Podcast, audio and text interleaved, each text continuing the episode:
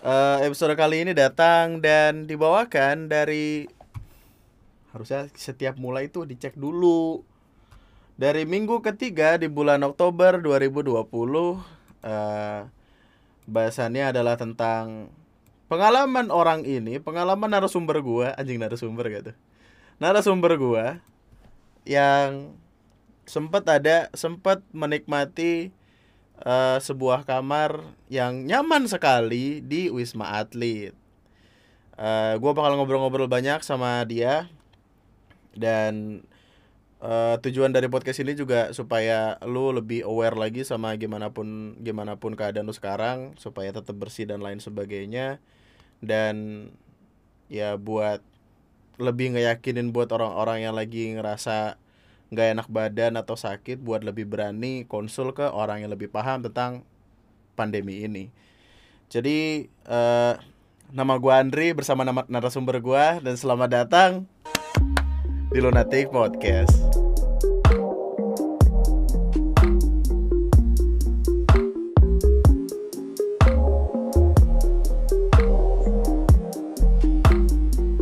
Tadi tuh harusnya harusnya di di present dulu ya gitu nama gua Andri, gua Ara gitu biar bagus ya. Fuck lah. nggak tahu gimana yang bagus Halo Ara, apa kabar? Anjing gitu, apa kabar maksud Tiap hari teleponan sama lu, gua sampai bosen, sampai bosen gua Enggak deh, enggak bosen Namanya cinta mah enggak bosen anjing. Biar aman Apa kabar Ara? alhamdulillah udah baik baik baik baik banget sebenarnya baik baik aja sih nggak ada masalah apa apa Iya Selain masalah bocor rumah.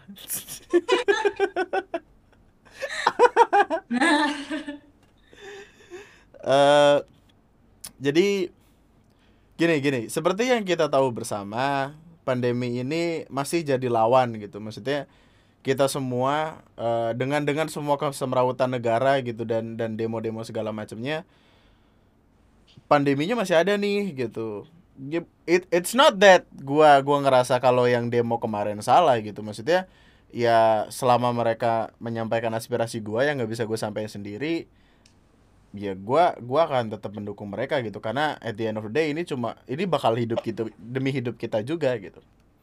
Tapi pandeminya masih ada loh gitu. Menurut Ara gimana? Cik gitu aja. Bagus ya. Gua kayak gua kayak Najwa Shihab nih. Yuk lanjut.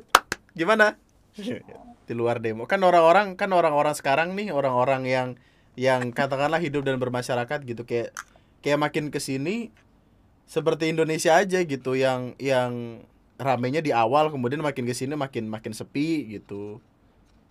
Kayak waktu awal-awal kan orang-orang pada beli masker langsung pada beli hand sanitizer sampai stok habis. Waktu itu kamu lihat berapa harga masker? Paling mahal? 800 ribu. Delapan ratus ribu tuh duit semua itu kagak daun. Nah sekarang kan kayak mungkin ya mungkin perkara hype juga gitu dan udah udah hilang gitu. Sekarang aja tuh malah banyak orang yang nggak pakai masker gitu. Menurut kamu gimana? Ini bagus banget gitu gua. Bagus ya? Kayak orang-orang udah bosen gak sih? Bosan ya? Menurut menurutku tuh kayak kayak gini udah kelamaan gitu. Kita kita eh, Hmm. aku deh aku pernah ngerasa mikir ngerasa kayak percuma gue di rumah aja kalau misalkan masih banyak orang yang keluar-keluar gitu. Nah orang-orang yang keluar-keluar ini tuh aku mikirnya kayak udah bosan aja. Kayak mereka mereka mungkin nyerah atas atas kata-kata yang orang-orang aja aja gitu. iya orang-orang aja bisa pada keluar gitu. Ngapain ngapain gue di rumah gitu. Oh karena kalau dilihat sekarang juga lagi pada random orang bioskop juga udah ternyata ada yang dibolehin buka oh iya di mana Ada, ada salah satu bioskop gitu, salah satu penyedia layanan bioskop gitu udah buka. Ya meskipun protokolnya tetap dijalani gitu, cuman ya gimana ya? Kayak di sisi lain itu untuk usahanya dia gitu, tetap supaya karyawannya tetap dapat duit, dapat masukan segala macam karena udah lama banget kan. It's been six or seven months. Dan perkaranya adalah orang-orang juga jadi pada mulai mulai pengen refreshing banget. Entah kenapa. Coba kamu kamu emang kerjanya ngapain? Di rumah doang kan? Di Stres rumah bantuin, bantuin kamu stres. Stres banget kita di rumah doang mah. Biasanya nonton bioskop. Nggak ada yang nonton film di bioskop. Masa ada bioskop? Eh nonton itu bioskop di depan kan? Hmm. bioskop bagus nih. Logonya sepuluh sepuluh satu. Hah? nonton nonton bioskop bukan nonton film. Itu jokes loh lucu dong. Oh, ya emang susah emang. Emang susah. Tuh lu bayangin gue setiap hari Kenapa jokes gua nggak kena-kena? Karena begini. Gue jadi ragu untuk ngeluarin jokes-jokes bagus. Emang Ya Allah. Gue di Bandung dia tahu-tahu di Pantai Gading Temenan sama Zebra di sono jauh Tapi eh Maksudnya gini Aku kan ngeliatin kamu gitu Maksudnya kamu udah Udah sempet ngerasain Apa penyakitnya kayak apa terus sempat dibawa ke wisma atlet gitu. Dan dan itu tuh aja bikin aku tuh jadi makin takut gitu makanya sekarang kan anak-anak gak ada yang boleh ke sini kan gitu. nah itu bridging tuh ceritanya. Jadi itu bridging ntar lanjut ke wisma atlet gimana gitu ya. Tolong nih masa dikit-dikit gue jelasin lu ngejokes kagak kena apa kagak kena ya Allah emang pinter banget cewek gue emang langsung ditanyain aja. Pakai. Pasti aku jawab kok apa Aduh. Yaudah, eh, coba-coba ceritain pengalaman-pengalaman pengalaman dari awal banget kenapa sampai akhirnya bisa positif gitu. Se- Sebagai sebagai awalan, Ara sempat positif tapi sekarang udah sembuh. Terus eh, gua juga yang yang alhamdulillah, yang gue juga yang sempat kontak sama Ara. Terus gua cek keluarga gua, swab semuanya negatif alhamdulillah. Jadi tidak tidak perlu ada ini nih kayak ih dia positif dia positif. Enggak gitu. Jangan kayak anak kecil lah lu. Apa gimana? Maksudnya jangan kayak anak kecil gua ngatain lu yang nonton kalau masih maki-maki orang positif. Goblok bukan bukan kamu saya. Aku kan baik sama kamu saya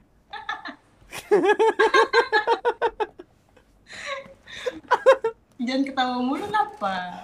iya apa gimana awalnya Kayak yang kamu tahu gitu, aku kan emang nggak pernah ke mana-mana. Nah, sekalinya pergi tuh pas ke Bandung, pas kan ada acara nikahan saudara gitu lah, nikahan sepupu. iya dan itu kayak kayak entah kenapa mau nggak mau datang kan Iya, karena emang eh, apa ya dari keluarga sepupu itu bilangnya kayak harus datang karena ini cuman apa acaranya dari antar keluarga aja, cuman keluarga besar cewek sama keluarga besar cowok, nggak ada, maksudnya nggak rame-rame banget gitu. Heeh. Terus juga acaranya akad doang kan, jadi kayak ya udah harus harus datang gitu loh saudara. Terus pas di sana juga acaranya tuh dari jam 7 sampai jam 11 waktu itu. Terus udah langsung pulang. Jam 7 pagi. 11 terus udah langsung pulang. Terus ya udah kayaknya sih kenanya di situ karena bener bener bener baru ngerasa gejalanya tuh setelah dari Bandung. Nah setelah dari Bandung besoknya itu demam. Terus demam, batuk, pilek. bener-bener Tapi semua sakit- gejala ngumpul tuh dari jadi satu kan? Langsung pada deg-degan gitu. Demam batuk pilek. Terus eh, tiga harian gitu udah sembuh. Terus tiba-tiba sembuh besoknya nggak bisa nyium nggak bisa nyium apa-apa. Nggak jadi bisa nyium kayak bau sama sekali ya? Nggak bisa nyium bau sama sekali terus nggak bisa ngerasain apa-apa juga. Heeh. habis itu mikirnya tuh dulu eh, mikirnya tuh dulu karena pilek. Pilek kan biasanya itu kan iya nggak bisa nggak bisa nyium tapi- Heeh. tapi hidung aku tuh nggak mampet. Maksudnya hidung aku normal aja kayak gini cuman nggak bisa nyium apa-apa. Iya. Nah terus sekitar berapa ya? Empat hari lima harian nggak bisa sampai nggak bisa nyium apa apa kira konsul. Nah aku pikir itu kan waktu itu hidung aku bermasalah makanya konsulnya ke check up ke dokter THT Mm-mm. kerokan hidung apalagi? Dan? Telinga. Aduh gue pek jangan suka nembak gitu dong. Jok harus disiapin dulu kalau gue kadang-kadang. Eh, aku main lempar gitu aja lu. Pak. Ya enggak kalau lu lempar ke gue pasti gue bakal jadi jokes. Gimana dah lu? Eh, yaudah ya terus ke THT enggak ke THT THT dan terus pas di THT udah apa ronsen ronsen dari dari ronsen kepala dari hidung Hmm. ternyata gak ada apa-apa maksudnya kayak udah normal aja gitu terus dokternya bilang eh, anosmia ini anosmia tuh kehilangan indera penciuman jadi kayak nggak bisa nyium apa apa tuh namanya anosmia nah Hmm. si dokter ini bilang anosmia itu sekarang udah jadi salah satu gejala COVID-19 terus Heeh. aku di terus aku dianjurin buat swab. Nah terus dari pihak dokter langsung dijadwalin swab. Dua hari kemudian aku swab. Seminggu kemudian hasilnya keluar positif. Langsung pada kaget tuh langsung pada panik kan. Serumah panik gua ikutan panik. Ya allah kalau gua gimana nih gitu. Karena dua minggu dua minggu sebelum aku swab kita ketemu ya Iya, heeh. Nah, itu itu kita masih belum tahu tuh. Kayak ya paling eh, pusing-pusing atau gimana. ya waktu itu tuh mikirnya karena eh, di Bandung kan dingin banget Heeh. Dan apa emang daerah Bandung Bandung dingin Bandung atas gitu deh yang udah dingin nah terus heeh. kurang tidur juga dingin jadi mikirnya kayak sakitnya tuh kecapean aja Iya, masuk angin. Kan orang apa pun sakitnya dibilang masuk angin kan. Mm-mm. Dan dan yang bikin takut tuh kita kan ketemu jarang banget kan. Di pandemi kayak sekarang jarang banget gitu. Awal-awal eh kita ketemu cuma berapa kali sih? pas ulang tahun kamu Ya pas ulang tahun aku kan itu masih belum rame-rame banget kan di ulang tahun kamu tuh bulan itu bulan pokoknya dari bulan Maret dulu nggak ketemu terus baru ketemu lagi pas ulang tahun kamu bulan Juli Heeh. Hmm. terus ulang tahun ulang- Ade. Ulang tahun Ade Agustus pertengahan Agustus udah Sam- terus sama terus yang akhir habis ke rumah kamu kan? iya yang aku pokoknya seminggu aku dari Bandung itu kita ketemu Iya. Pokoknya cuma se- selama beberapa bulan ini bahkan dari Maret sampai saat ini baru ketemu tuh cuma tiga kali. Tiga kali doang saking saking dan kita juga sama-sama males keluar rumah kan. Ya entah males terus emang nggak boleh gitu. Gua kan emang no life aja gitu kerjaan gue main game di rumah. Nah waktu itu kan ketemu cuma sekali doang Tapi sekalinya itu yang setelah dia dari Bandung. Karena ya cowok sokol cowok-cowok Tumblr brengsek. Yang kalau ceweknya sakit mesti datang bawain bawain eh berak. Untung gua kagak kenapa-napa Coba kenapa-napa lu gua siram pakai siraman rohani. Ya terus kan eh, akhirnya setelah Tapi itu kamu nggak ngerasain sakit apa-apa kan selain anosmia kan? enggak gejalanya baru dirasain setelah pas di Wisma baru bener-bener semua Enggak, jadi gejala- gini dari dari dari di antara je- apa? Jeda antara kamu dari Bandung sampai akhirnya kamu swab itu kan setelah beberapa hari gejala yang kayak pusing, demam gitu-gitu kan udah hilang kan. Jadi tinggal sisa anosmianya doang nih. Makanya kamu ngecek. Terus habis itu swab terus eh, mutusin buat di Wisma Atlet aja nih gitu. enggak aku kan sempat di rumah dulu jadi pas swab pertama positif aku Ah. di rumah dulu Oh tuh iya iya iya benar iya. Ah. di rumah dulu dua minggu dua minggu terus Hmm. swab kedua ternyata hasilnya masih positif dan eh, apa ya dua hari dua hari atau tiga hari has- sebelum hasil swab kedua keluar aku emang nafasku pendek tapi nggak sesek Iya. pendek. Nah pas hasil swab keluar ternyata masih positif di eh, disaranin buat dirujuk ke wisma atlet Hmm, karena akhirnya- emang nggak ada perkembangan gitu loh Mm-mm. akhirnya dijadwalin ke wisma, ke wisma atlet itu langsung dapat kabar ya aku malam eh malamnya ya malamnya disuruh berangkat langsung Iya, jadi eh, kamu kan nanyanya sekitar kayak pagi atau eh pagi ya? Pagi pagi kan dikabarin terus dari siang tuh chatan segala macam sore sorenya dikabarin malam sore jam 4 aku ingat sore jam 4 dikabarin eh, katanya harus eh, bisa berangkat malam ini gitu jam 8 malam waktu itu suruh berangkat Malam ini atau besok? Ah, malam ini atau besok jadi aku Ah. mutusin buat besok paginya jam 10 Hmm. Dan kayaknya yang perlu kita kasih tahu juga adalah pelayanan puskesmasnya gitu. Maksudnya mereka ya dengan dengan gejala yang ada langsung nyaranin demikian gitu. Meskipun awalnya bayar ya. Berapa itu bayar?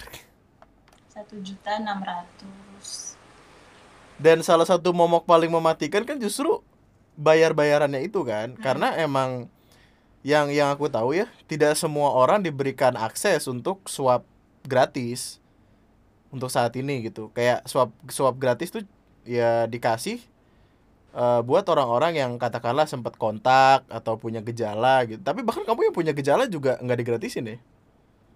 aku digratisin pas swab di puskesmas, tapi pas swab Oh, pas swab kedua ya? ya Oh. Jadi berarti kalau misalkan kita dari awal emang bilang eh pengen swab tapi di puskesmas harusnya gratis dong. Dengan dengan semua gejala yang ada gitu. harusnya gratis. Karena kamu di di rumah sakit swasta kan swabnya. Hmm. Yang awal. Nah, tuh pas hasil pas hasil swab keluar, kayaknya emang ini udah nggak tahu sih pelayanan dari puskesmas emang atau emang SOP dari pemerintahan gitu. Mm-mm. Ya, eh, kan ditanyain tuh selama sebulan terakhir kamu eh, kontak sama siapa aja gitu kan. Heeh. Aku sebutin kamu sama keluarga aku doang. Ya udah, terus Heeh. Kamu sama keluarga kamu sama keluarga aku itu sebenarnya dapat fasilitas swab gratis di puskesmas eh, kelurahan masing-masing. Mm-mm. Tapi kamu memutuskan untuk Mandiri. Karena saya takut justru ketika nih takutnya gue gini. Gua gua nggak tahu gue terlalu paranoid atau gimana, tapi yang gue takutin adalah ketika gue datang ke puskesmas dengan dengan eh, katakanlah waktu itu masih sehat lah gitu. Maksudnya nggak nggak ada penyakit apa apa gitu. Takutnya justru ketularnya di pas di puskesmasnya ini. Karena kan orang-orang orang-orang sini kan pasti swab ke puskesmas dong nyari yang gratis lah. Maksudnya ya kalau ada yang gratis ngapain mesti bayar gitu kan? Normalnya gitu. Cuma kan gue goblok ya. Takutnya tuh justru eh, kenanya tuh pas swab. Nah pas dicek swab negatif tapi ternyata hasilnya positif. Itu yang aku takutin makanya ya udah swasta aja. Eh menangis gua. Mana bertiga ya kan? 1,8 satu orang. Tiga orang berarti 5,4 Wuh, UMR Cikarang. Sama bonus. Waktu itu kamu swab 1,8 satu orang sekarang 900 ribu. 1,8 iya sama orang. makanya. Jadi eh, itu itu apa ya? Itu dari orang-orang ya? Maksudnya jadi ada salah satu salah satu yayasan atau atau apa gitu yang ngasih swab dengan harga yang lebih murah murah buat ngebantu pemerintah eh, naikin apa ya minimum swab harian nih gitu. Jadi dia dia ngebikin itu dengan harga yang lebih murah eh, ada motor lewat supaya ya orang yang dites makin banyak dan masih makin banyak makin gampang ketahuan cuma ya kenapa nggak dari dulu? Kenapa nggak gua pas udah? Tapi untungnya alhamdulillah negatif. Kamu Kayak ceritain ini- dulu dong di swab dulunya gimana? Apa? Di pas Kamu. di swab gimana? Kamu lah kamu dulu. Kan kamu Ah. duluan. Nih Ih, ntar lu ntar lu buat malu.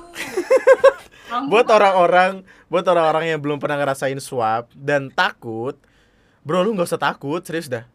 Maksudnya ya emang rada geli-geli sih nggak sakit kok geli cuma emang si berak ini waktu di swab kayak orang kayak orang kemasukan kayak orang kesurupan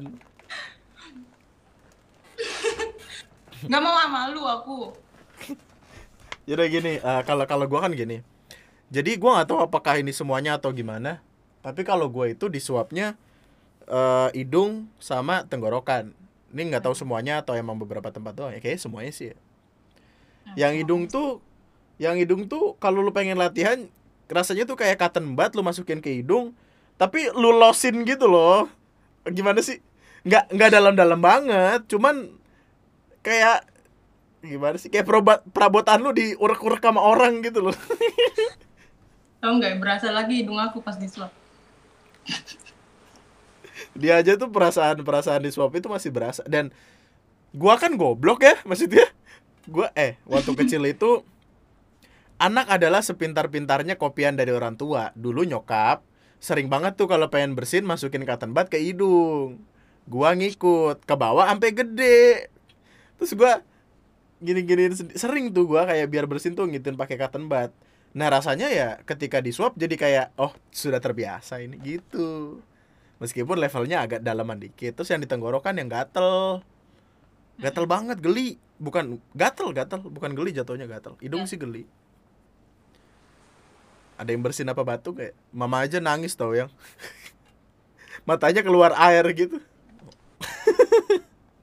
Ya udah terus gak gini sebelumnya gini. Intinya kalau emang lu pengen swab dengan semua gejala yang ada swab lah gitu. Maksudnya itu tidak semenakutkan yang lu pikir kita nggak akan tahu kalau nggak pernah nyoba gitu cobain aja kayak nothing tulus juga kan Ya aku aku kan sempat yang sempat ngobrol tuh sama perawat itu kan, sama perawat di sana. Kenapa kenapa awalnya diputusin rapid? Karena awalnya kan gejala gejala COVID ini nyerang apa gejalanya tuh demam, batuk atau pilek gitu kan. Demam. Nah, itu tuh nyerang imun. Kalau misalkan udah udah demam, batuk itu pasti imunnya turun, makanya bisa dicek pakai rapid. Nah, sedang, sedangkan sekarang banyak yang tanpa gejala. Nah, yang tanpa gejala ini kan imunnya baik-baik aja gitu. oh heeh. Karena aku pun pas dicek darah non non Normal. reaktif, artinya Iya, normal, gitu, normal non aja tapi pas positif. Jadi kayak sekarang ya rapid udah tidak seefektif itu gitu. Efektif sih kalau pengen nyari duit mah tapi ya nggak efektif buat kita gitu. Kita nggak ketahuan hasilnya gimana. Kayak lu bisa ya terpapar covid tapi lu masih sehat-sehat aja nih gitu. Ada yang jual tau alat rapid. ya Allah. Serius ada yang jual di Shopee banyak. Gua ngedenger ngedenger apa rapid drive thru aja gua kayak apaan dah ini lu mau pesan McD ya drive thru Ditusuk ini gitu dibeli sendiri resin. Tapi ya lu kalau pengen tahu hasilnya bener-bener ya swab gitu karena swab ya metodenya sendiri. Emang emang rada lama sih. Kamu berapa hasilnya keluar? Seminggu. Lima hari, lima hari. Lima hari kerja hitungannya. Aku juga lima hari kerja sih. Kayak swab Selasa hasilnya Senin. Swab Senin hasilnya Senin juga. Lima hari kerja. Tidak perlu takut untuk di swab. Ini kami berdua sudah mencoba dan rasanya ya paling dia doang lah yang ngerasain Tiga apa tiga kali terus habis di swab hasilnya positif langsung ke wisma atlet Mm. jelasin perjalanan ya Karena aku kan eh, lewat puskesmas nih jalurnya bukan mandiri. Jadi Mm-mm. semuanya diatur sama mereka gitu. Aku dari rumah cuman kirim foto KTP sama foto kakak. ya jadi semuanya diurusin sama puskesmas ya sisanya Mm-mm, tapi kakakku udah nggak ada. ya allah jokesnya begitu dong dia ya allah gelap banget gelap gelap ya allah bang maaf ya bang adanya begini bang emang bang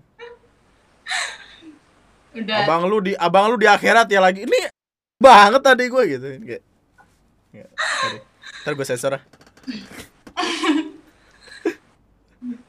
udah terus nunggu apa? Berangkat? Berangkatnya Hmm. itu ngumpul semua di puskesmas kecamatan.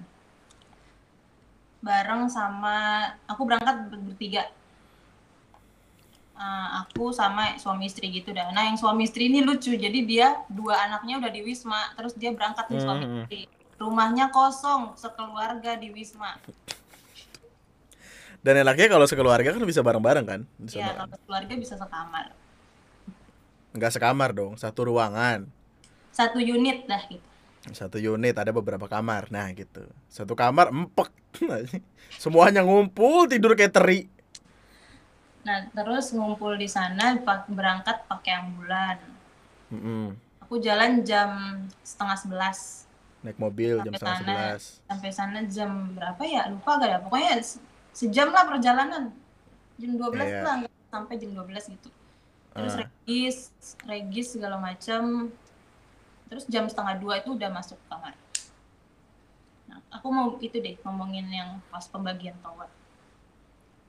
oh dikasih tower kita Enggak, maksudnya gokil gokil pemerintah baik banget kita dikasih tower cuy gratis gokil satu orang satu tower wah miskin negara ya terus tower.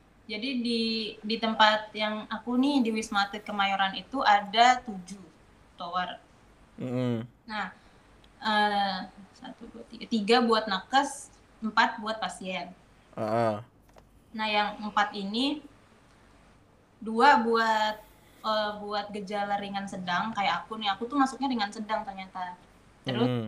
yang satu buat OTG yang bener-bener gak ada gak ada gejala sama sekali maksudnya bener-bener nggak anosmia nggak bisa ngerasain pokoknya bener-bener nggak ada gejala terus Mm-mm. yang satu buat yang sedang berat buat gejala sedang berat nah aku kan ada di tower yang ringan sedang nih yang gejala ringan sedang Iya. Jadi semua semua orang yang ada di tower itu itu semuanya yang yang gejalanya yang sama-sama kayak aku gitu. Ah.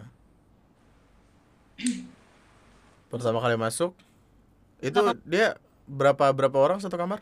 Eh satu unit? Jadi satu unit tuh ada dua kamar, Mm-mm. tapi ada tiga kasur. Jadi awalnya tuh eh, ada satu kamar yang satu orang dan satu kamar yang dua orang. Mm-mm. Nah terus kan aku awalnya tuh bertiga, jadi harusnya kan satu unit tuh bertiga. Nah terus dua setelah dua hari, eh ya setelah hari kedua ternyata ada perubahan perubahan peraturan gitu deh. Jadi harus satu kamar tuh satu, walaupun yang satu kamar berdua yang kasurnya dua itu harus tetap sendiri buat meminimalisir penyebaran virusnya. Mm-mm. Terus aku kan awalnya dapat di lantai 19 karena bertiga itu terus disuruh pindah, aku ngalah karena dari bertiga itu aku yang paling kecil. Jadi aku ngalah. Dan ternyata Iya. orang-orang yang pindah bareng itu semuanya yang paling muda yang pindah. Gak enak, sopan, sopan, ya, ya, sopan. Tidak boleh, tidak boleh nyuruh-nyuruh orang tua kayak, eh, lu aja yang pindah lu, ngapain lu, Eh, udah tua juga lu, gitu kan? Nggak, nggak gitu, nggak boleh, nggak boleh. Terus pindah, aku jadi dari 19 pindah ke lantai 14. Dan aku merasa beruntung pindah ke lantai 14. Kenapa emang? Perawatnya asik-asik. Kita tidak boleh main perbandingan mana yang asik mana yang tidak ya. Iya sih. Tapi lebih asik, Lebih lebih asik. asik, iya. Ya 19 asik kok, tapi lebih asik yang 14 gitu. Iya. Yang mana ya sebenarnya tergantung orangnya juga sih. Kayak kayak kamu kan pertama kali datang juga eh, ketemu sama sama orang yang yang tidak tidak cocok untuk dijadikan roommate lah rasanya. Hmm. Maksudnya kan di sono eh, di sono bener-bener random kan gitu. Maksudnya orang dari mana aja gitu. Mm, Benar. Yang penting yang penting dia mau diisolasi di Wisma Atlet dan orangnya juga datang dari kalangan beda-beda, dari daerah beda-beda. Jadi ya sifatnya beda-beda gitu. Ada beberapanya yang emang emang nggak masuk aja. Menurutku ya eh, setelah ngejalanin isolasi di sana, berita di media tuh kayak terlalu dibesar-besarkan. Di sana tuh asik banget. Betah aku. Sebenarnya gue nggak tahu sih ini ini harus harus dimaknai baik atau buruk gitu karena Maksudnya kalau betah berarti lu pengen kayak gitu terus gitu. Tapi kalau kalau buruk nggak enak gitu, nggak nggak buruk soalnya gitu. Nggak, nggak sedikit orang yang sedih ketika pulang dari sana. Iya, karena nyaman kan, dapat makan tiga tiga kali sehari, Dapat snack sekali. ruangannya AC, diurusin, minum dapet. Bapak, bapak di sono ada yang karaokean kan, lu bilang, iya biar nggak stres. Tapi kayaknya Iya, itu salah bapak-bapak satu. bawa mic. bawa mic sama speaker gitu dia karaokean. Tapi itu salah satu itu nggak sih? Maksudnya salah satu hal yang emang ya dibutuhin untuk para pasien gitu. Karena pasien juga pasti bakal lebih seneng kalau misalkan diri mereka tuh happy. Lebih seneng kalau diri mereka happy aja. Lebih cepat sembuh kalau mereka happy.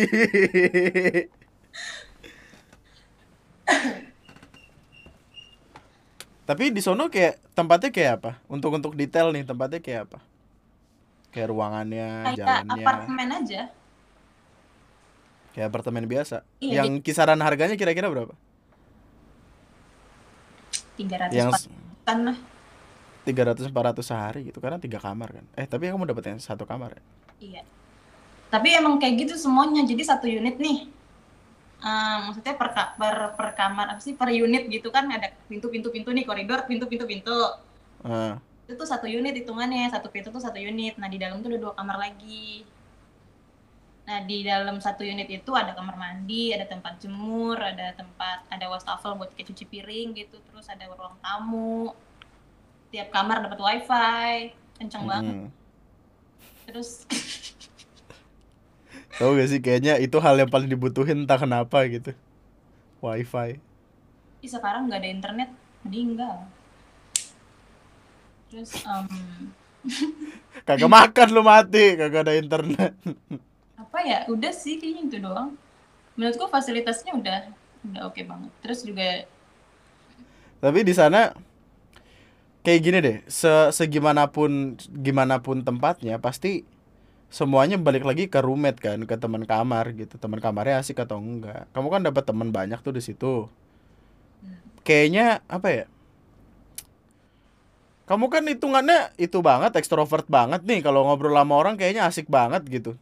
Makanya makanya tangan tangan tangan gua buat ngarah ke mana-mana tuh pakai arah biasanya karena dia emang yang paling bisa ngobrol sama orang gua mah eh lu ngechat sama gua sekarang gua bales nanti lebaran. Tapi kan di sana akan cocok untuk melatih gimana kita bersosialisasi. Karena kalau nggak kayak gitu kan justru malah malah stres gitu kayak kita ngerasa nggak punya teman sendirian ntar malah jadi makin sakit. Tapi overall asik kan. Asik karena emang dari awal tuh pas regis itu habis regis yang pas baru datang di Wisma Atlet kan di briefing dulu sebelum masuk kamar. Nah pas di briefing tuh eh, si apa si orang itu bilang kayak jangan jangan sampai stres di sini gitu. Ngelakuin apa aja boleh. Yang penting happy jangan sampai stres. Eh, yang di rumah eh, kalau misalkan kangen atau apa telepon aja video call. Pokoknya jangan sampai kepikiran jangan sampai jadi beban pikiran di sini makanya ya bebas. Sebetulnya kita tuh di sana nggak benar-benar isolasi yang di kamar aja gitu. Kita boleh naik ke rooftop buat jemur atau Pakai masker ya? Tapi tetap pakai masker, tetap pakai itu. masker. Tetap bisa ke taman jadi tuh di bawah jadi tuh di bawahnya tuh kayak ada taman. Ya namanya kayaknya emang wisma atlet ya jadi banyak banyak sarana-sarana yang emang buat olahraga gitu loh Kamu pernah olahraga nggak? lari dua dua putaran capek nyesek eh serius itu yang waktu itu aku langsung ngedrop dua hari Habis lari langsung ngedrop. Tapi kamu larinya gara-gara pakai masker kali, jadi oksigennya kurang. iya memang harus Larinya lari-lari kecil aja. Jangan lari sprint, sprint di rooftop lu. Nyebur iya lu. Gimana gimana gimana cara kamu ngelihat eh, suster-suster atau perawat-perawat di sana gitu waktu di sana? yang bikin aku apa ya yang bikin aku emes adalah aku tahu perawat-perawat dan dokter-dokter di sana nakes lah nakes terus staf-staf lain petugas kebersihan segala macam mereka kan juga diisolasi kan di sana jadi nggak boleh nggak boleh keluar wisma Mm-mm. dengan dengan jangka waktu yang udah tujuh bulan ini tuh aku tahu mereka pasti stres juga gitu cuman Iya. ngelihat profesionalnya mereka yang tetap tetap ngejaga mood pasien tuh bikin terharu gitu Hmm. jangan apa mereka tuh kayak berusaha asik gitu berusaha nyemangatin pasien biar biar di sini tuh baik-baik aja gitu jadi makanya kayak diajakin ngobrol diajakin bercanda Dan itu yang kayak kayaknya orang-orang sering lupa sih. Maksudnya dengan dengan berada di Wisma Atlet tuh bukan bukan cuma pasiennya doang loh yang yang diisolasi gitu. Maksudnya perawat-perawatnya juga gitu. Da, jangan lupakan kalau perawat-perawat ini punya keluarga, bahkan ada yang punya anak mungkin, punya bapak, punya ibu. Sayang semuanya apa sih? Cek gitu. Yang yang paling bikin kamu senang di sana tuh sebenarnya apa gitu? Kayaknya kamu aku nggak tahu apakah semua orang akan merasakan seperti kamu yang malah ogah pulang atau gimana tapi nggak aku doang kok. Kan aku ada temen kan di sana yang emang aku dari awal apa kita Iya. kan karena masuk bareng kan awalnya. Terus awalnya sekamar tuh dulu pas dia masih Ah. lantai 19 nah mere- dia kan pulangnya belakangan tuh baru kemarin pulang. Dia berarti udah dia 20 hari 21 hari dia di sana. Ah, dia baru kemarin pulang pas aku pas aku pulang kan aku nangis kan gara-gara sedih aja gitu ini ini agak jahat sih untuk menertawakan orang yang menangis cuman kayak tapi kamu nangisnya nangis karena seneng udah sembuh juga dong. Iya tapi ya pas aku dapat kabar aku pulang aku bingung. Hah gue pulang? Gitu. Oh iya pulang. Jadi pulang itu emang kayak dadakan banget. Dikabarin pulang. Oh itu itu setelah setelah keluar hasil swab negatif kan Mm-mm. kamu total berapa hari berarti di situ 13 hari cepet ya hitungannya tuh kayaknya perkara gara-garanya tuh aku udah sempat isolasi di rumah Oh, iya iya. Nah, jadi kalau temanku yang masih yang baru kemarin pulang kan dia pas ketahuan hasilnya positif langsung ke wisma kan. Eh kalau Hmm. dihitung-hitung sama aja sih kita sama-sama tiga minggu juga positifnya. Perawatan di sana gimana? Perawatannya menurutku cukup sangat bukan cukup sangat diperhatikan karena tiap pagi tensi tensi eh, cek darah bukan cek darah tensi tensi terus ngukur saturasi oksigen sama cek suhu itu tiga kali sehari pagi siang sama malam Jam Itu waktu 6 kapan? pagi, Waktu waktu ah, itu dibagi-bagi. iya Oh, coba gimana? Jadi cek cek tensi itu kan tiga kali jam 6 pagi jam 12 siang sama Ah. jam 6 malam jam 6 Hmm. sore Gue ya ya aja apa? lagi sialan. itu tensi darah terus apa ngecek yang saturasi yang dijepit itu Heeh. cek oksigen sama cek suhu tiga kali sehari terus tiap malam jam 10 jam 11 itu perawat muterin per kamar kayak ngecek kamar lah intinya nanyain keluhan ada keluhan atau enggak. Dan dan kamar-kamar nggak boleh nggak boleh dikunci kan? Iya, tiap kamar nggak ada kunci kamar, nggak ada remote AC. Beruntunglah kalian yang punya HP Xiaomi ya. Iya, Jadi HP remote Xiaomi digilir tau. di sana. Iya, Buat matiin remote ya. Kayaknya kayaknya pemerintah mesti beli satu HP Xiaomi gitu untuk masing-masing tower atau masing-masing lantai lah biar HP-nya ditaruh di ujung gitu terus jadi ah remote nih. terus ada pas datang itu cek darah. Apa tuh ambil darah di sini, tapi aku di sini, aku bengkak. Mm. Terus eh, EKG, EKG itu rekam jantung. EKG di sana aku tiga kali yang ditempel-tempel gitu. Iya. EKG terus eh, ronsen. Taruh taruh tiga kali tiga kali selama apa? Setiap berapa kali? se aku tiga kali pas hari hari kedua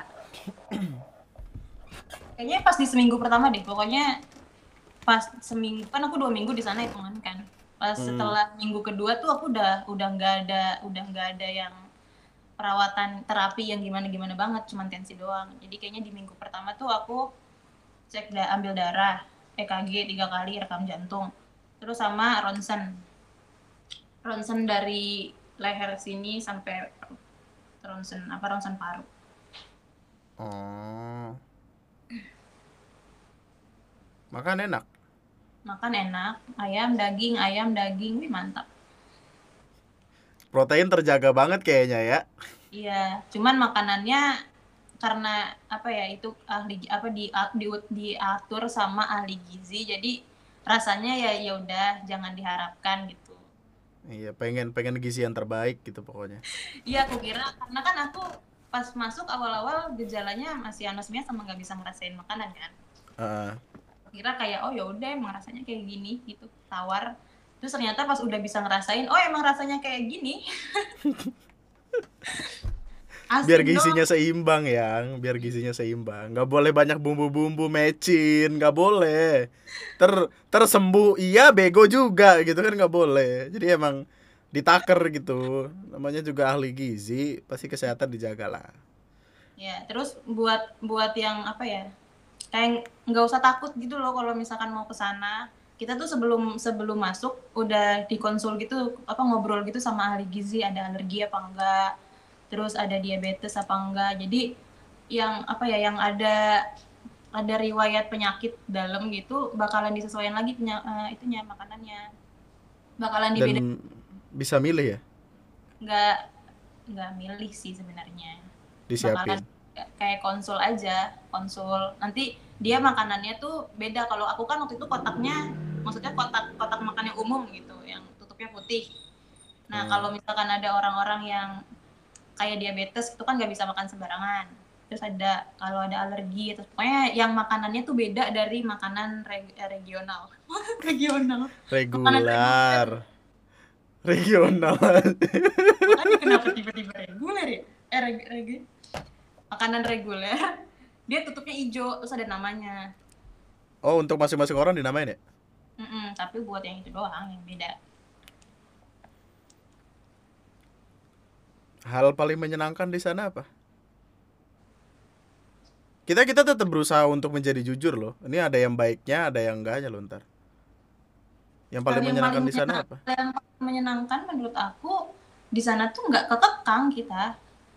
Bebas mau aja. ngapa-ngapain, eh, bebas aja. Bebas tapi Aku- tetap teratur ya. Iya, aku pernah yang waktu itu yang aku ngobrol ngobrol sama temanku di di rooftop sampai jam setengah sebelas.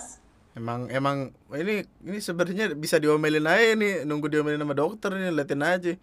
Orang udah bener-bener dirawat biar sembuh pengen masuk angin, liatin. Kasih kan ngobrol, aku ngobrol sama temanku sampai setengah sebelas. Mestinya di sana tuh bener-bener gak dikekang. Nah giliran nanti ada cek kamar, paling ditanya karena kan ada grupnya kan, ada grupnya terus di apa ya tiap tiap eh, lantai itu kayak di perawat tuh punya satu HP emang itu HP buat di handling over ke tiap tim yang lagi shift gitu Heeh. jadi jadi kalau misalkan ada apa-apa pasti ngubunginnya ke situ gitu kita juga kalau butuh apa-apa hubunginnya ke situ Lewat lewat grup WhatsApp. ya kalau pas cek kamar nggak ada orangnya bakalan di WhatsApp dan tadi kita cek kamar kamarnya kosong ke mana gitu ditanyain Nah, Menakal banget lu. Di rooftop sampai jam 11 iseng amat hidup lu. Jadi Batman lu. Enggak, itu kan kayak udah udah sembuh. Itu kan aku ngerasanya kayak udah sembuh, udah enggak udah enggak ngerasain gejala apa-apa. Enak Jadi jidat aja walau lu, dokter denger diomelin lu. Omelin aja dok emang dok. love you dokter. Dokter Karimah. Terus nggak enaknya di sana? Gak enaknya. Gak enaknya adalah pagi-pagi mesti bangun. Buat ngambil makan deh. Pagi-pagi itu tensi jam 6 pagi. Itu harus sudah bangun. Oh, ya kan biar jam tidurnya stabil ya. Kayak Iya. tidur jam 10 bangun jam 5 jam 6 lah gitu. Jam tidur tuh ada ada apa apa sih namanya? Jam-jam tidurnya itu loh. Siklus. nggak boleh sembarangan. Iya, siklus meridian. Nggak boleh sembarangan. Mau bangun jam 11 lu emang di rumah nenek. Apa yang gak enak? Pak yang yang bikin gak enak kayaknya makanannya sih. Makanannya mungkin di awal-awal enak gitu. Maksudnya kalau ngeliatin menunya tuh enak. Menunya tuh daging, ayam. Pokoknya em, main main menunya tuh pasti eh, daging ayam. Jadi kalau misalkan siang eh pagi daging, siangnya ayam, malamnya daging, terus besok paginya pasti ayam. Pokoknya diselang-seling gitu. Dan itu sama-sama sayuran-sayuran yang lain ya. Ini buat catatan nih. Kayak sayurannya. kayak ada telur, ada sayur. Itu ada empat macam lauk. Jadi Mm. di ada nasi terus main menu tuh yang yang ayam daging ayam daging terus ini biasanya ikan yang tambah ada ikan telur eh, seafood apalagi ya gitu iya kayak gitu doang yang tambahannya terus di sini eh, ininya tuh biasanya tempe tahu tempe tahu terus yang ininya Protein, sayuran, protein, protein abadi. sayuran sayuran Dan itu snack? ada. Dan snack? snack itu jam 10 snacknya itu pasti roti sama makanan basah snack basah roti snack basah sama susu itu udah pasti Jadi kayaknya kamu pernah cerita deh yang gak enak itu adalah kalau misalkan ketemu sama orang-orang yang emang gak sefrekuensi aja gitu. nah iya sih heeh. Dan kayak katakanlah eh orangnya tuh apa ya susah-susah untuk beradaptasi sama lingkungan gitu dengan tidak melakukan apa, tidak boleh ngelakuin apa gitu. Tapi ya namanya masing-masing orang berharap apa sih?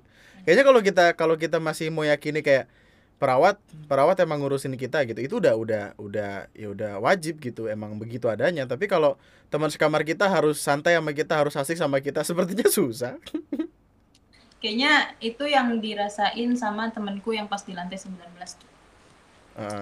Aku kan deketnya deket bangetnya sama temenku yang di lantai 19 kan. Karena eh, roommateku pas di lantai di lantai 14 tuh dia kayak menyendiri mulu. Terus biasanya Iya. kan kalau ke kamar tuh ngeliatin orang-orang kayak nggak diambilin makanannya gitu. Aku juga kan beberapa kali ngambilin dia makanan gitu. Ternyata emang dia dia kurang begitu suka sama makanan yang disediain sama Wisma. Akhirnya go food. dia, tuh sering go food sering ya go food grab food aku nggak tahu. Pokoknya dia beli lah gitu. Jadi uh, mereka uh, dia tuh antisosial deh pokoknya jadi Iya. aku aku ngerasanya kayak nggak punya roommate jadi sendirian jadi makanya aku mainnya ke lantai 19 ke temanku Gitu. Jadi emang ya kalau perkara teman-teman kan emang masing-masing orang kayak yang aku bilang kayak melatih melatih jiwa sosial aja ngambil bantuin ngambil makan ganti-gantian itu udah jiwa sosialnya udah mulai kebangun dan emang nggak ada yang bisa kita lakuin sama itu gitu. Kayak banyak-banyak dari kita yang pasti bakal kalau ngekos gitu sama orang yang meskipun kenal banget meskipun temen tapi kalau misalkan nggak ngisi air di kulkas kan kita berantem juga gitu. Lu maunya minum doang lu nggak mau ngisi lu gitu. Pasti gitu. Ada lah. Ada lah pasti ada lah. Oh itu tapi kalau kayak gitu. Untungnya ya aku uh, dua kali dapat roommate karena kan pas aku pindah ke lantai 14 itu uh, roommate aku udah lama kan di sana. Hmm. Terus uh, dia pulang terus ganti roommate nih yang antisosial itu. Nah yang roommate yang sebelumnya tuh asik. Aku kan baru pindah terus diajakin tensi yuk gitu. Oh iya iya bentar ya kak gitu. Jadi dia kayak manggil duluan gitu loh ngajak gitu. Uh-uh. nah cuman yang nggak asiknya sama roommate yang sebelumnya dia tuh nggak bisa apa ya nggak bisa aware di ruang bersama kayak kamar mandi gitu. Kamar mandi dapur ruang tamu kan itu ruang bersama kan. Mm-mm. Dalam satu unit itu ruang bersama nah di apa ya di kamar mandi tuh ngerasanya kayak nggak bersih aja gitu Hmm. dan kamar mandinya WC-nya WC duduk ya Mm-mm. WC Untuk- duduk shower ada air panas air dingin Oh. Uh, ada air panas gitu. Untuk kalian katro-katro yang WC duduk dipakai jongkok, tolong. Itu nggak lo pakai sendirian, berak. Nah itu Tapi itu balik lagi ke personality personality masing-masing orang gitu. Maksudnya ada orang-orang yang emang kaget aja kali. kayaknya ya yang di roommate roommate aku yang sebelumnya itu kayaknya emang dia orangnya higienis banget gitu loh jadi eh, di WC duduk tuh tiap kamar mandi habis dipakai sama dia pinggirannya tuh pada bercak bercak sepatu sendal gitu loh dia kayaknya nggak ngerti Oh. bokok atau ya mungkin takut terkontaminasi tuh gimana nggak ngerti. Oh. Ya, mungkin dia jaga-jaga. Nggak ada yang salah dengan berjaga-jaga. Cuman salahnya adalah lu ngebikin orang kesel. iya Tapi kan kalau itu nggak bisa kita atur kan. iya sih tapi ya udahlah aku aku paling kesadaran diri aja sih aku yang bersihin Iya. Dan emang ya namanya juga hidup bareng orang. Cuma Iya. kan nggak nggak se nggak seterkekang itu. Jadi seenggaknya happy happy aja gitu. Yang paling penting kayaknya nyari temen juga di sana ya. Bener. Padahal ya aku dari awal tuh pas dari awal mikir mau ke sana, aku mikirnya pengen kayak udah pengen gue pengen antisosial gitu, pengen gak pengen kenal sama siapa-siapa. Karena aku mikirnya juga dari rumah tuh ternyata eh, di sana tuh ya gitu di di kamar aja kayak di rumah. Gitu. Hmm. Pemikirannya ternyata- sama kayak orang-orang awam. Iya ternyata kita di sana bebas gitu, kita boleh jalan-jalan, kita boleh ya pokoknya nggak di kamar aja, kita ngelakuin apa pun yang bikin kita happy gitu.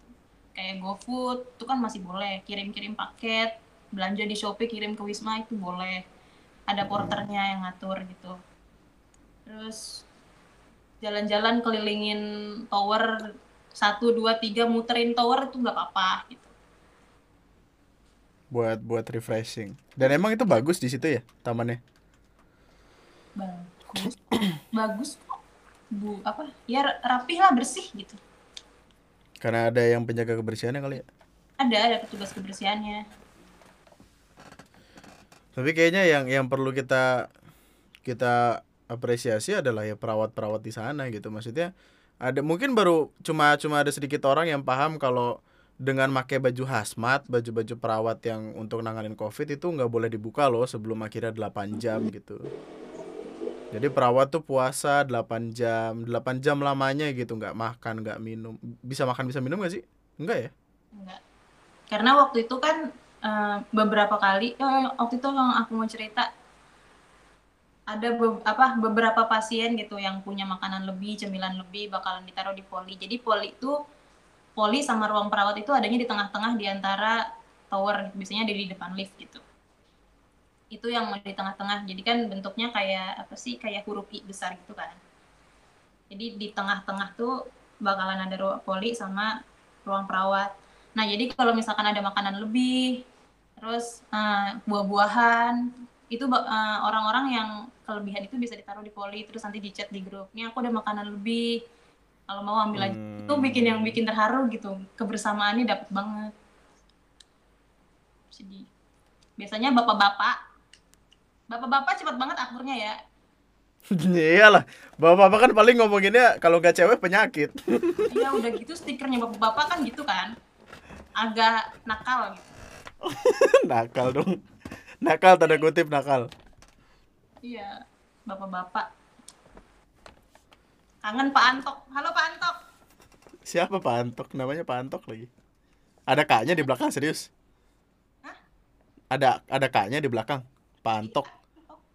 Bapak Antok Iya, iya Allah, Pak Antok. pokoknya tiap apa ya semua bapak-bapak kayaknya di tiap lantai gitu. Karena temanku yang cerita di lantai 19 juga bapak-bapak tuh selalu punya geng sendiri gitu. Kayak tiap tiap jam 9 jam 10 gitu kayak ayo mau berjemur gak ayo kita berangkat bareng gitu. Di grup ngomongnya. Tapi banyak bapak-bapak di situ. di lantai aku pas aku terlima lima enam orang sih Jadi seenggaknya dengan dengan ngedengerin ini kita jadi nggak perlu takut lagi gitu untuk untuk katakanlah kalau mau isolasi di wisma gitu atau sama orang-orang yang emang udah balik dari wisma gitu. Tidak ada yang salah dengan itu gitu. Kita cuma sakit kemudian sembuh udah gitu. Tapi kamu tetap waktu udah udah keluar, kamu keluarnya kapan? pagi Bikin ini aja podcast tanya jawab. nggak apa-apa bagus banget kok ini konten. Tanya jawab aja biar viewersnya dikit. Watch time-nya kagak ada. Emang gitu. aku pulang pokoknya jam 6 pagi ditelepon Bintol Iya ditelepon. Terus jam 6 pagi ditelepon dibilang eh, hasil dikabarin hasil swabnya negatif bisa langsung pulang gitu kan terus jam Mm-mm. 10 jam 10 pulang jam 10 pagi pulang udah masuk TV iya, sempet-sempetnya masuk TV lagi deh. aku nggak tahu itu bakal masuk TV ya orang dia bilangnya cuman itu kok dimasukin ke IG Jadi jadi setiap alumni, setiap orang-orang yang keluar dari Wisma, itu dia kayak ada graduationnya gitu kan. dia di lobby Jadi kayak ada foto-foto, foto-foto kayak wisuda aja gitu. Telah lulus, nah, ananda kami. kayaknya yang nggak semua orang mau diwawancara gitu karena pas kemarin kemarin kan eh, aku kan pulang cuma berdua doang tuh pas bareng aku. Hmm. nah terus eh, aku bilang kayak eh foto di situ yuk yang tulisan di graduation itu. Terus ya udah foto. Nah pas aku lagi foto-foto disamperin sama eh, dua orang gitu. Dia pakai APD juga kan. Dia bilang mbak mau wawancara nggak? Wawancara apa? Testimoni testimoni gitu selama di sini gitu. Terus kasih saran-saran buat orang-orang di luar sana "Eh, boleh dah gitu kan terus dia ngomong gini alhamdulillah akhirnya ada juga yang mau diwawancara gitu Yo. pas aku cek di IG-nya juga ternyata belum ada orang yang pernah diwawancara Oh, pada takut kali ya, pada takut sama stigma masyarakat. Orang-orang kan emang nggak tahu kayak gimana, Pan. Itu kamu ngomong apa aja itu? Eh, ngomongin apa aku di si eh, apa aku di sana udah berapa lama Terus Mm-mm. perawatannya kayak gimana fasilitas Hmm. gimana terus eh, terus apa ya saran buat orang-orang di luar sana yang yang takut. Biasanya kan masih banyaknya orang yang ngerasain gejala tapi nggak mau swab karena takut positif gitu. Itu yang ditakutin sama orang-orang. Maksudnya dikasih tahu kalau covid ini bukan aib gitu. Bisa sembuh kok bisa sembuh gitu. Persentase kematiannya kecil gitu. Yang yang apa ya yang bakalan ya jangan di jangan diomongin deh persentase kematiannya kecil gitu tapi kenapa banyak rata-rata itu yang meninggal itu orang-orang yang emang udah penyakit bawaan yang udah punya penyakit bawaan. Jadi jangan jangan tunggu sampai sakit banget baru periksa. gitu. benar Dan untuk orang-orang yang masih terserah deh gitu maksudnya, lu mau percaya ini bikinan siapa, eh, virus asalnya dari mana, propaganda atau gimana terserah lu gitu. Tapi penyakitnya ada loh gitu. Kalau kalau nggak ada orang nggak ada nggak nggak mungkin meninggal gitu dan kalau penyakitnya bisa disembuhin pakai bawang putih, minyak kayu putih, tidak akan ada orang yang meninggal. Jadi tolong kalau sakit ya tanya sama tenaga ahli, tenaga medis yang tahu, yang paham. Jangan tiba-tiba lu minum rebusan pepaya. Dengerin podcast gue sebelum ini, mantap. Rebusan pepaya, obat dari segala obat. Tai berak. Obatnya juga di sana banyak. Aku minum tujuh macam obat. Ada obat lambung. Obat lambung tuh karena di sana mual kan. Aku ada apa gejalanya ada mualnya juga. Terus obat Heeh. ada obat antivirus tiga, terus antibiotik, vitamin. Satu lagi apaan ya? Gizi. Oh, Eh, satu vitamin. lagi peningkat imun. Oh. Berarti intinya dirawat banget kan di sana. Mm-mm, dirawat. Jadi ya kalau misalkan lu di rumah aja gitu dan dan tidak yakin apakah lu bisa sembuh dengan katakanlah cepat atau enggak gitu. Itu kan malah bikin lu was-was sendiri. Jadi baiknya ya kalau lu kalau lu ngerasain kayak gimana kayak gimana langsung dicek. Kalau perlu isolasi ya.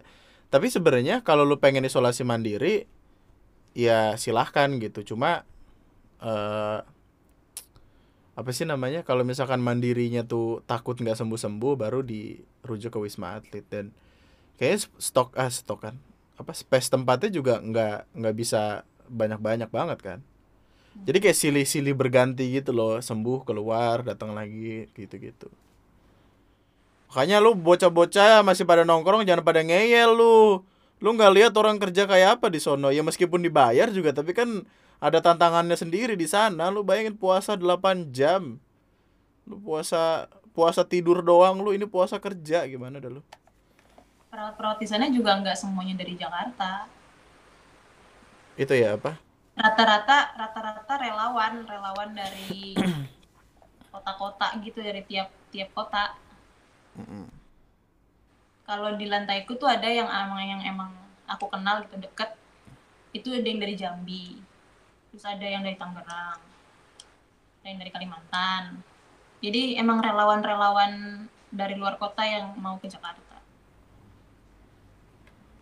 Terus apa lagi yang pengen kamu sampaikan? Kayaknya kamu catatannya banyak tuh. Aku nggak tahu nih, soalnya tadi ngalor ngidul. Eh, apa regis briefing prosedur. Hah? Cerita-cerita menarik. Iya apa menarik ya? Eh, Tadi di kan sana- eh Bambang, tadi kan ada pertanyaan cerita serunya apa? Apa bedanya seru sama menarik?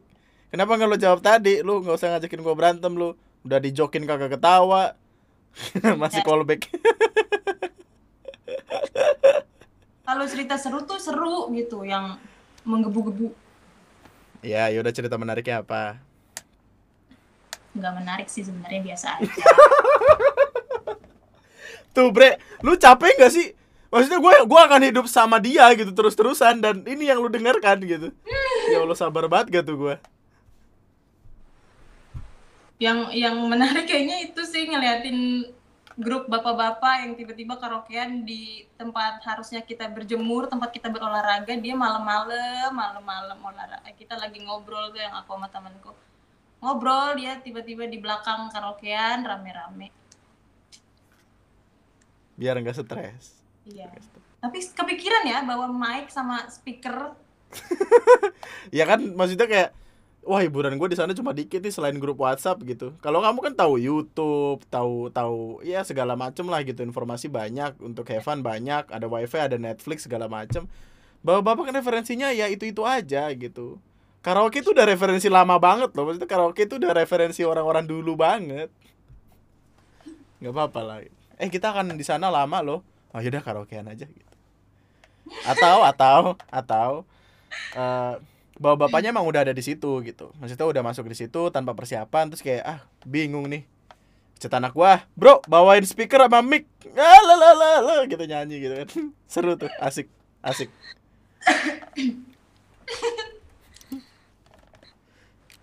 Terus cerita apanya? Cerita sedih? Emang ada cerita sedih? yang sedihnya tuh biasanya orang-orang yang udah berkeluarga ya kayak apa Hmm. aku kan yang pertama tuh masuk bertiga kan. Hmm. nah yang satu nih udah berkeluarga gitu udah punya anak dua dan anaknya masih kecil-kecil. Nah yang bikin sedih tuh dia tuh kepikiran rumah mulu gitu. Anak-anaknya masih pada kecil. Masih di bayi Oh. masih dua tahun. Masih dua tahun sama lima tahun apa nggak salah lupa. Terus dia bilang bilang bilang ke orang rumah apa? dia bilang ke anaknya pulang kampung Ya namanya anak kecil ya. Iya sih.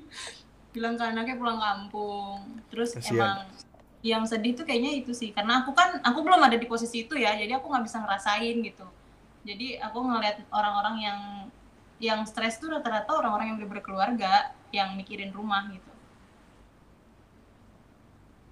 aku juga punya keluarga gitu tapi kan ya udahlah Udah pada gede gitu, maksudnya ya udah pada sadar lah gitu. ya udahlah nggak apa-apa. Aku kan ya nggak makanya aku nggak pengen ngejudge orang yang kayak gitu. Gitu aku belum pernah belum ada di posisi kayak gitu. Yang kasihan tuh kayak Ya Allah ini yang masakin anak gue ntar siapa? Yang nyuciin baju mereka siapa? Ini laki gue kasihan gitu-gitu. Sedih. Oh yang kasihan juga apa ya ada ada lansia di sana. Oh yang kamu bilang nenek-nenek itu ya Mm-mm, Udah udah sepuh udah lansia nenek. Yaudah ini kan tadi tadi gue taruh di IG nih ada beberapa pertanyaan-pertanyaan yang emang uh, gue tanyain di IG story gue. Terus eh, ini pertanyaan sederhana banget sih.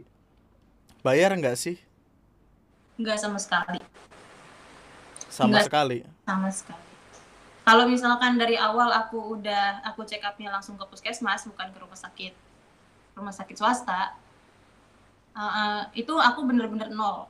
Nggak ngeluarin Dari dari berangkat sampai pulang ya. Tuh jadi buat buat lu yang lagi bertanya kayak eh bayar nggak sih bayar nggak sih? Enggak nggak bayar. Dan tidak dapat duit juga kan? Soalnya banyak ada beberapa ada beberapa hoax yang bilang kayak wah rumah sakit dibayar nih supaya dapat duit dari wisma terus eh eh, duitnya nanti dikasih ke pasien gitu gitu enggak enggak ada. Nggak dapat duit nggak keluar duit. Iya. Gratis. Free nol rupiah. Ya bayarnya paling ya buat kebutuhan pribadi. Iya buat makan buat Mm-mm. makan dapet sih sebenarnya. Makanannya gimana? Ada wifi konektivitas konektivitas lancar. Makanannya ada lah gitu. Makanan Ada ada, wifi, ada. kering. makanan ada cuma? Cuman kering ya itu sayurannya udah kayak kuahnya tuh udah nyerap gitu loh. Oh iya. makanan makanan makanan disiapin orang dan nyiapinnya kan nggak mungkin langsung apa disiapin Iya. langsung dikasih kan. Jadi kayak ya udah udah kering aja. Dan Jadi- dan buat orang banyak kan. Eh, bagaimana pola hidup keseharian di sana? Semuanya kayak rata-rata nanyain makanan dah Pola bagaimana hidup itu aku pola ceritain dari pagi nih ya. Iya. pagi bangun tensi eh, minum obat yang sebelum makan terus makan minum obat lagi terus dia udah di kamar terserah mau ngapain. Terus nanti jam 9 jam 10 bakalan disuruh buat berjemur. Buat berjemur di tiap tower rooftopnya beda-beda aulanya beda-beda. Kalau di tower aku ada tiga di lantai 12 lantai 16 sama lantai 32 Hmm, terus em, habis berjemur eh, di, makan minum obat lagi siang. Terus makan minum obat lagi. Terus tensi eh enggak tensi dulu. Tensi minum obat sebelum makan makan minum obat lagi. Itulah terus udah tuh siang terserah lagi acara bebas acara bebas. Kayak itu dari orang ke puncak aja. Isoma isoma. Acara bebas udah tuh di kamar mau ngapain apa mau jalan-jalan lagi terserah gitu. Tapi kan panas. Terus nanti malam ma- maghrib gitu tensi lagi minum obat lagi makan lagi minum obat lagi. Udah. Sore sore paling jam 4 jam 3 jam 4 gitu biasanya ada ya itu tadi grup bapak-bapak kayak kita senam yuk gitu terus keluar ngobrol-ngobrol gitu ya Wah, seru ya ngobrol. Iya udah baik, nggak ada nggak ada yang spesifik uh, mesti ngapa-ngapain sih. Tergantung Hmm. lu mau dari pagi sampai malam pakai ketemu pagi lagi mau di kamar doang ya nggak apa. yang penting ngambil makan ngambil obat tensi ya. Iya. ada wifi konektivitas lancar lancar ya koneksinya kenceng iyalah itu kan buat atlet masing-masing kamar lagi wifi-nya Masing kamar routernya beda-beda. Hmm. kasurnya empuk gak pertanyaan bagus nih penting banget kayaknya ditanyain Kasurnya empuk di sat, apa di fasilitas tiap kamarnya tuh kasur, ada lemari, lemarinya cukup gede. Terus ada meja kecil eh, apa? Side kayak side side bed gitu lah meja-meja di samping tempat tidur Mm-mm. biasanya yang kecil gitu. AC berapa harga outfit lu Cie, apa nih Weh bercanda lucu lu Ya lucu lu. kerudung murah lah 15 ribu Aduh, aduh, aduh. Apakah lebih nyaman isolasi mandiri di rumah atau di wisma atlet? wisma atlet karena gini bu- bukannya gimana gimana ya kalau di wisma atlet tuh kita bener-bener dirawat banget. Jadi eh, apa ya ditanyain terus gitu tiap tensi ditanyain keluhan ada keluhan nggak? Tadi pagi gimana bangun tidurnya gitu gitu nah yang kontrol malam itu yang cek kamar itu biasanya kan ada orang-orang yang suka demam tiap malam nih kayak aku kan kalau malam suka demam doang nih demamnya malam doang. Nah itu di makanya ada itu gitu makanya nggak di nggak dikasih kunci juga tiap kamar takutnya ada pasien yang kenapa kenapa pa- eh, perawat nggak tahu. Eh, pas so- diisolasi tidurnya enak gak? Ya enak lah, empuk AC, kurang apa lagi lu? Apalagi pas hujan, ini kagak bangun lu, kagak bangun. Hmm. Nih, nih, nih, udah udah serius nih. Mau tahu kondisi di sana sebenarnya seburuk apa dan apakah di sana banyak yang depres atau sebaliknya? Di press maksudnya gimana? Ditekan? Depresi, depresi. Ya Allah, ditekan. di press oh di press kenapa aku udah di press gitu loh. Oh di iya. depresi. Ya paling kalau yang depresi tuh yang menurutku ya yang penglihatan aku sih. Yang depresi tuh yang yang apa ya yang mikirin rumah. Yang mikirnya tuh Hmm. kayak eh, jauh dari keluarga gitu Jadi intinya di sana juga harus socialize sama orang gitu biar biar itunya nggak nggak terasa. Makanya tadi perawat bilang kayak jangan dibawa stres, jangan dibawa stres gitu-gitu kan. Karena memperburuk badan juga. kayaknya pas di sana juga aku aku senengnya karena kan eh, udah berapa bulan nih enam bulan tujuh bulan kan aku komunikasinya sama kamu doang nih video Ah. callan mulu kan tiap hari gitu terus tiba-tiba ke sana di sana ketemu banyak orang ngobrol sama siapa pun gitu happy makanya bisa ngobrol sampai setengah sebelas tuh ya mohon dimaklumi ya Aduh, eh, di sana kalau salaman pakai adu tos apa adu pala? adu lu, jidat lu, aduh. nggak nggak nggak ada yang salaman sih eh, maksudnya tiap orang pada jaga jarak Hmm. tetap jaga jarak Perasaan ketika ngerasa capek diisolasi eh yang lain malah berkeliaran itu gimana? Ih, bagus nih pertanyaannya. ini yang ini yang aku rasain belum lama ini. Kayak eh, apa ya teman-temanku teman-temanku yang yang pas aku diisolasi pas aku positif mereka yang tiap hari kasih support hampir tiap hari ngasih support gitu. Kayak semangat ya cepet sembuh cepet sembuh gitu. Tapi mereka masih keluar keluar bahkan keluar kota buat jalan-jalan refreshing sama teman-temannya dia yang lain. Itu apa ya sakit hatinya bukan karena nggak diajak sakit hatinya beda maksudnya kayak ih kemarin kok lu care banget sama gue sampai sampai lu ngirimin makanan gitu ke Wisma buat gue ngasih tulisan semangat ya gitu cepet sembuh ya tapi masih nongkrong masih jalan-jalan aneh banget lu Positive thinking, mungkin dia cuma orangnya dikit, menjaga eh, new normal gitu-gitu. Mau positive thinking. Siapa tahu dia emang pengen ke sana gitu, ke Wisma. Jadi dia buat teman-teman aku yang dengerin ini ya udah nih gue sampein Eh, tar dulu. Kalau gabut ngelakuin apa? Kalau gabut, tergantung. Aku kan gabutnya berkali-kali. nonton, nonton film. Aku kan ada Netflix di sana. Nonton Netflix. Film. Terus tidur. Ya jalan-jalan. Jalan-jalan kelilingin tower. Nyari-nyari sunset, nyari spot foto. Wih, stok foto gedung banyak. Apa deh? Kemarin aku bilang, oh menambah. Menambah skill fotografi. Fotografi. ya. Tapi berarti kita sampai di kesimpulan ya. Ini kan soalnya dia nanya nih. Emang semengerikan itu? Jawabannya berarti adalah Enggak. enggak. Karena emang menurutku ya media tuh terlalu ngebesar-besarin gitu. Sampai apa ya? eh, orang-orang di sekitaran rumahku tuh mikirnya juga orang-orang yang udah ke Wisma Atlet itu orang-orang yang udah parah gitu. Yang gejalanya udah parah gitu. Makanya apa ya? Mikir eh, media tuh terlalu ngebesar-besarin menurutku.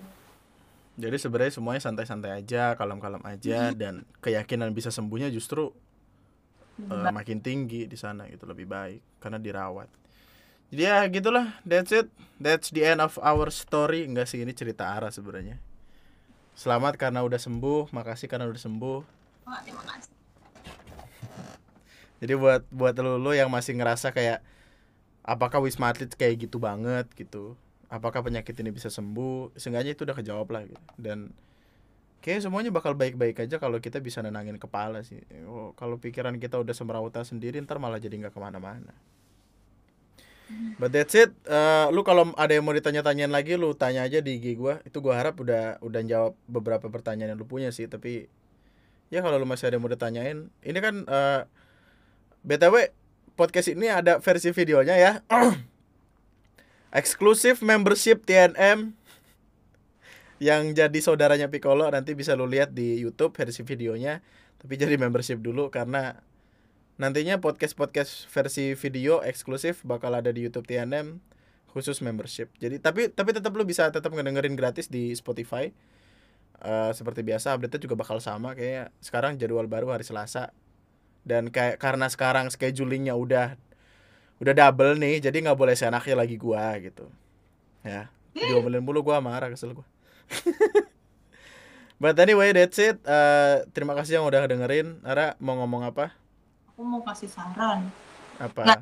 Ya, masukan-masukan buat orang-orang yang masih takut buat swab. Kalau misalkan orang-orang yang dita apa orang-orang tuh takut swab karena ketika hasilnya positif, mereka takut dikucilkan sama warga. Nah, buat orang-orang yang takut kayak yang takut dikucilkan, mendingan saran saran aku mending isolasi di Wisma sih. Karena emang Iya. mengerikan itu gitu. Lagian kalau misalkan kita isolasi di Wisma itu juga jadinya menurutku lebih baik gitu. Kalau misalkan kita di rumah kan kita kontak langsung sama keluarga gitu. Misalkan ada keluarga yang negatif. Kasihan yang negatif ini. Mm, takutnya positif gara-gara kita. Mm-mm. Lagian kalau isolasi di rumah juga malah kita nggak sebebas di wisma atlet. Kalau di rumah kan kita benar-benar harus di kamar doang. Karena pas aku isolasi di rumah, makan dianterin ke kamar, terus nanti ditaruh lagi. Jadi semuanya benar-benar dilayanin dan nggak bisa keluar kamar dan harus di kamar aja. Gitu. Eh tadi aku kepikiran apa ya gitu. Oh iya dan dan ketika keluar Wisma Atlet dapat surat kan? Ya dapat surat kayak sertifikat mana ya? Jauh sertifikat aja, sertifikat gak tuh? Jauh Pokoknya dapat dapat surat untuk apa? Kalau kalau ini udah positif dan bisa tulisannya gimana? Em, menerangkan bahwa pasien atas nama segala macam telah selesai menjalani proses isolasi mandiri selama 13 hari di flat isolasi mandiri Rumah Sakit Darurat Penanganan COVID-19 Wisma Atlet Kemayoran. Pada saat ini bersangkutan telah stabil dan tidak menunjukkan gejala infeksi. Enggak enggak enggak, yang yang bentar bentar bentar. Eh intinya aja, intinya aja. Karena takutnya ntar ada yang ngopi terus dibikin buat diri mereka sendiri lagi. Oh ya. Intinya dengan keputusan hukum lah tuh pokoknya nomor apalah nomor nggak tahu ini. Setelah ini yang bersangkutan dapat melakukan aktivitas seperti biasa di masyarakat atau lingkungan kerja dengan tetap menjalankan protokol kesehatan secara disiplin dan ketat. Intinya kayak Iya. gitu sih. Jadi pulang dari wisma tuh bisa langsung kerja, Mm-mm. bisa langsung kerja lagi gitu. Dengan dengan ngasih surat itu gitu. Iya. Yang penting protokol kesehatan tetap dijaga. Dan itu juga kayaknya bisa lu kasih ke Pak RT gitu buat nunjukin kayak nyoh gua udah sembuh gitu. nggak usah perilakuin gua kayak gua maling ayam lu sembarangan aja lu gitu. Soalnya ada juga tuh di beberapa di beberapa di beberapa tempat gitu. Yang ada pasien positif terus rumahnya tuh bener-bener ditutup gitu loh jalanannya sama orang-orang. Ya Allah jahat Itu banget. itu tuh kasihan. Mereka tuh butuh dukungan support moral gitu biar biar mereka bisa cepet sembuh, jangan malah makin ditekan. Orang udah sakit makin ditekan ntar makin sakit. Mbak, udah itu aja. Ada lagi yang mau disampaikan, Mbak Mbak Ara? Kami kembali lagi ke studio anjing gitu, cek gitu. Mata Najwa gimana sih kan akhir oh akhirnya pakai puisi. Berima gitu. Untuk kalian manusia-manusia yang tidak bisa menjaga diri kalian semua. Wah, nggak bisa segitu doang. Kalau kalau kaget gue emang kayak gitu. Sekarang emang lagi kaget ya. But anyway, thank you Ara, terima kasih banyak eh, informasinya segala macam. Ini ini bakal bisa berarti banyak sih untuk orang-orang di luar sana yang masih belum paham dan lain sebagainya. But that's it. Eh, kita nggak perlu kasih IG-nya Ara karena nggak mau banyak orang-orang bangsat. Eh, follow Spotify bisa di follow Spotify-nya biar naik lagi yuk bisa yuk subscribe di TNM Lunatic Twister. Follow sosial media gue di @lunatictwister juga. Ada Twitter ada Instagram. That's it. Thank you all. Sama gue Andri bersama Ara. sekian dan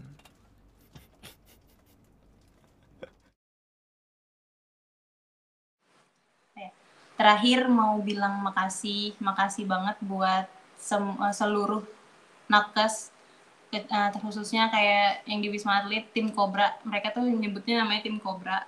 Cuman lupa kepanjangan Cobranya apa.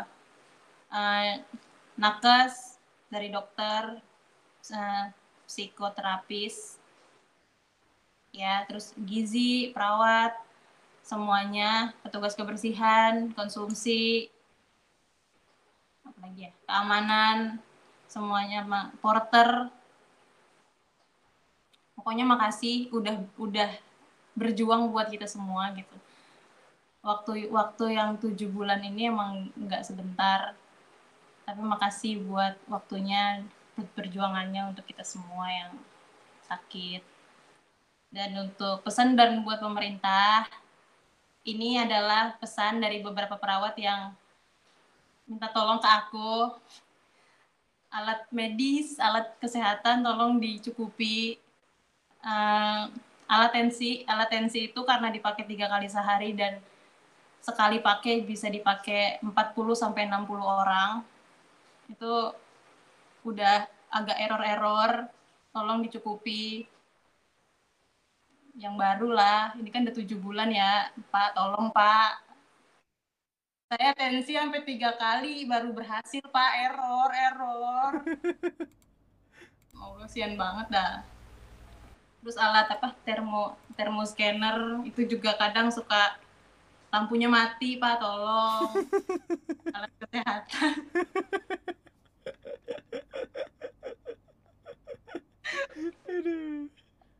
alat kesehatan